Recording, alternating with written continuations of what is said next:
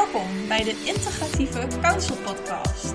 Wij zijn Mieke en Maureen van Praktijk Inzicht en Praktijk Couchtalk. Wij vinden het belangrijk moeilijkheden in voelen en denken bespreekbaar te maken. Een voorbeeld hiervan is dat je je ongelukkig voelt en dat je piekert.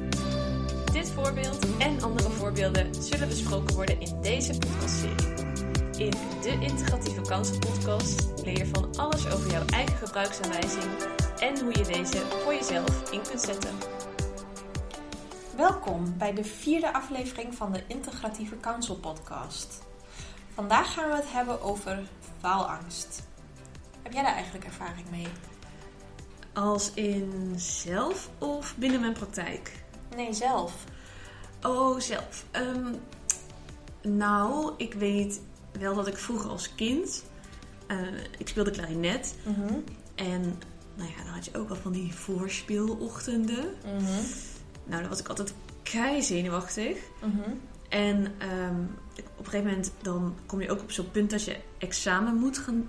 Moet, ja, hoeft niet, maar Mm. examen doen. Ja. En, eh, en dan moest je voor zo'n zo'n examinator voorspelen. Nou, echt super zenuwachtig. Ik kreeg het super heet. Ja. En jij? Ehm, ja, ik herken daar ook wel wat in. Eh, ik moest van mezelf altijd tijdens examens of tentamens, moest ik het in één keer halen. Ehm, ja, en dan gaf me dat zoveel spanning eigenlijk, dat ik dan tijdens een examen of tentamen opeens niets meer wist. Ja, ja een blackout als het ware. Een blackout is wel echt een kenmerk van hevige faalangst. Kom ik binnen mijn praktijk ook wel tegen. Ja. Ja, soms is het fijn dan om zelf iets te hebben ervaren. eh, ja, waarvoor cliënten dan bij jou komen. Ehm, maar misschien is het voor de luisteraars fijn om van ons te horen wat faalangst nu eigenlijk is. Nou, vertel. Ehm, nou, faalangst, dat is een vorm van angst. Eh, ja, en, en angst, het woord angst zit natuurlijk al in faalangst. Had ik verwacht, ja. Ehm, nou, eh, deze vorm van angst, dan kan iemand eh, last hebben op een specifiek moment of bij eh, ja, een specifieke situatie. Eh, bijvoorbeeld als iemand een prestatie moet leveren of beoordeeld wordt op een prestatie. Ehm, ja, kun jij misschien vertellen waaraan faalangst te herkennen is?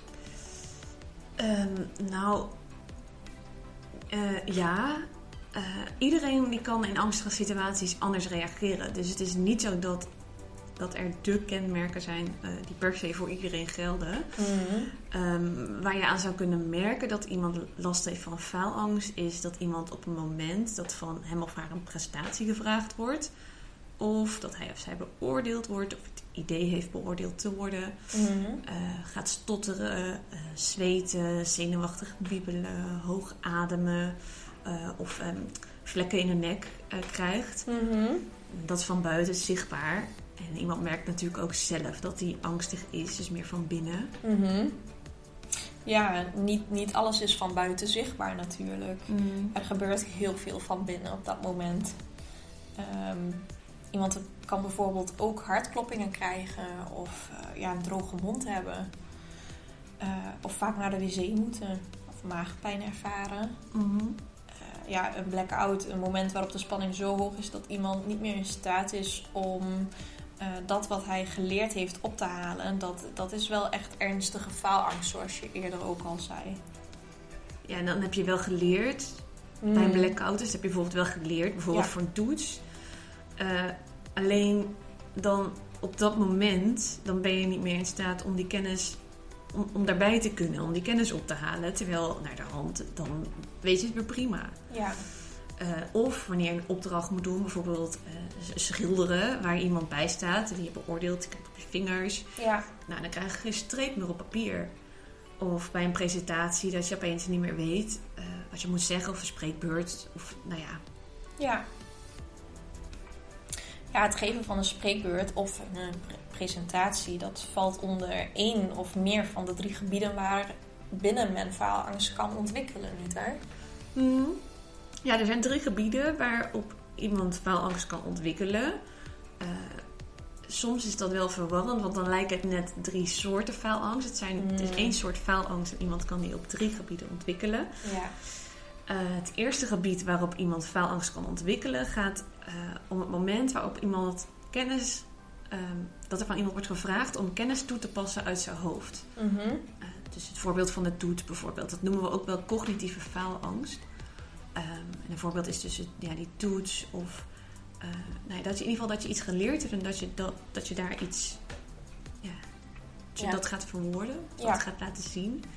Eh, nou, laten zien neigt alweer meer naar, de- naar het volgende. Eh, want er, iemand heeft ook een, een tweede gebied waar iemand faalangst op kan ontwikkelen. gaat over lichamelijk handelen. Dus dat iemand anders ziet wat jij doet. Ja. Eh, en dat noemen we motorische faalangst. Ja. Iemand die faalangst heeft op motorisch gebied, die heeft daar bijvoorbeeld last van tijdens de gymles. Of wanneer hij op zijn vingers gekeken wordt tijdens het werk. Ja. Dat schilderen bijvoorbeeld. Ja. Eh, een derde gebied waarop iemand eh, last kan hebben van faalangst is wanneer die angst heeft om raar of verkeerd over te komen op anderen. Mhm. En dat noemen we sociale faalangst. Mhm. Iemand die faalangst heeft op sociaal gebied, die heeft daar bijvoorbeeld last van wanneer hij naar een feestje gaat eh, waar hij niemand kent. Mhm. Ja, iemand kan dan gedachten hebben als, nou wat zullen ze wel niet van me denken? Eh, of mensen met sociale faalangst kunnen een verlegen indruk maken. Mhm.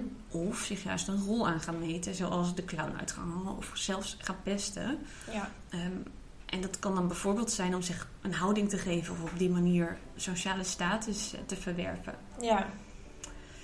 Nou ja, en het kan ook voorkomen dat faalangst ontstaat in meerdere gebieden, zoals bij het geven van een presentatie, waar we het net over hadden. Ja. Daar kan zowel cognitieve faalangst als sociale faalangst optreden, als motorische faalangst. Ja. Cognitief omdat je kennis deelt ehm, en mensen kunnen zien wat je doet op dat moment, motorische gedeelte.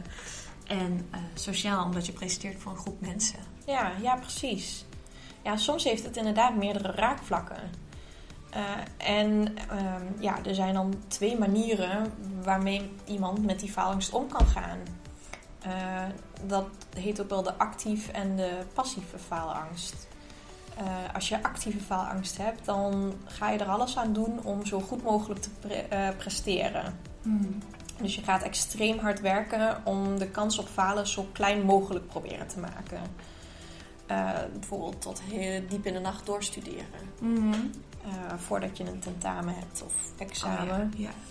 ja. Als je passieve faalangst hebt, dan ga je juist helemaal niet aan het werk. En word je liever lui gevonden dan dom. Ja, hoe noemden ze dat vroeger ook alweer? Eh, positieve en negatieve faalangst? En dat is nu dan dus actief en passieve faalangst. Ja, dat klopt inderdaad. Eh, actief en passief, dat is eigenlijk beter passend dan positief en negatief. Het omschrijft de situatie veel beter.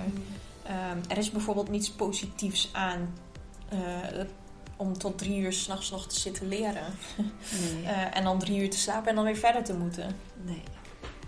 Nee, dus iemand die last heeft van faalangst kan daar of daardoor of heel hard gaan werken om het idee van een falen proberen te voorkomen. Ja, Dus actief. Of eh, niks doen met het achterliggende idee. Nou, ja, dan word ik in ieder geval niet dom gevonden. Dan ben ik liever lui. ja, Het gaat toch niks worden. ja, Eh, dat is dan meer passief. ja, En diegene kan faalangst hebben op het gebied van kennis tonen. Dus cognitief of lichamelijke handelingen. Dus Mhm. motorisch. Of hoe gedraag ik me ten opzichte van anderen, sociaal. ja. Even kort samengevat. Een berg aan informatie. Ja, het is inderdaad een berg. Maar het is wel mooi samengevat van toch wel een best ja, ingewikkeld begrip. Kan je een voorbeeld geven van iemand die last heeft van passieve faalangst op cognitief gebied? Passieve faalangst op cognitief gebied. Ja, bijvoorbeeld eh, wanneer er een toets, toetsweek aankomt en iemand weet dat hij heel hard moet leren, maar die ervaart zoveel stress. Ja, en dat hij dan denkt, ja, dat ga ik toch niet halen. Eh, ja, en daardoor gaat iemand dan bijvoorbeeld alle seizoenen van Flikker Maastricht bekijken. Dus we noemen hem Pietje.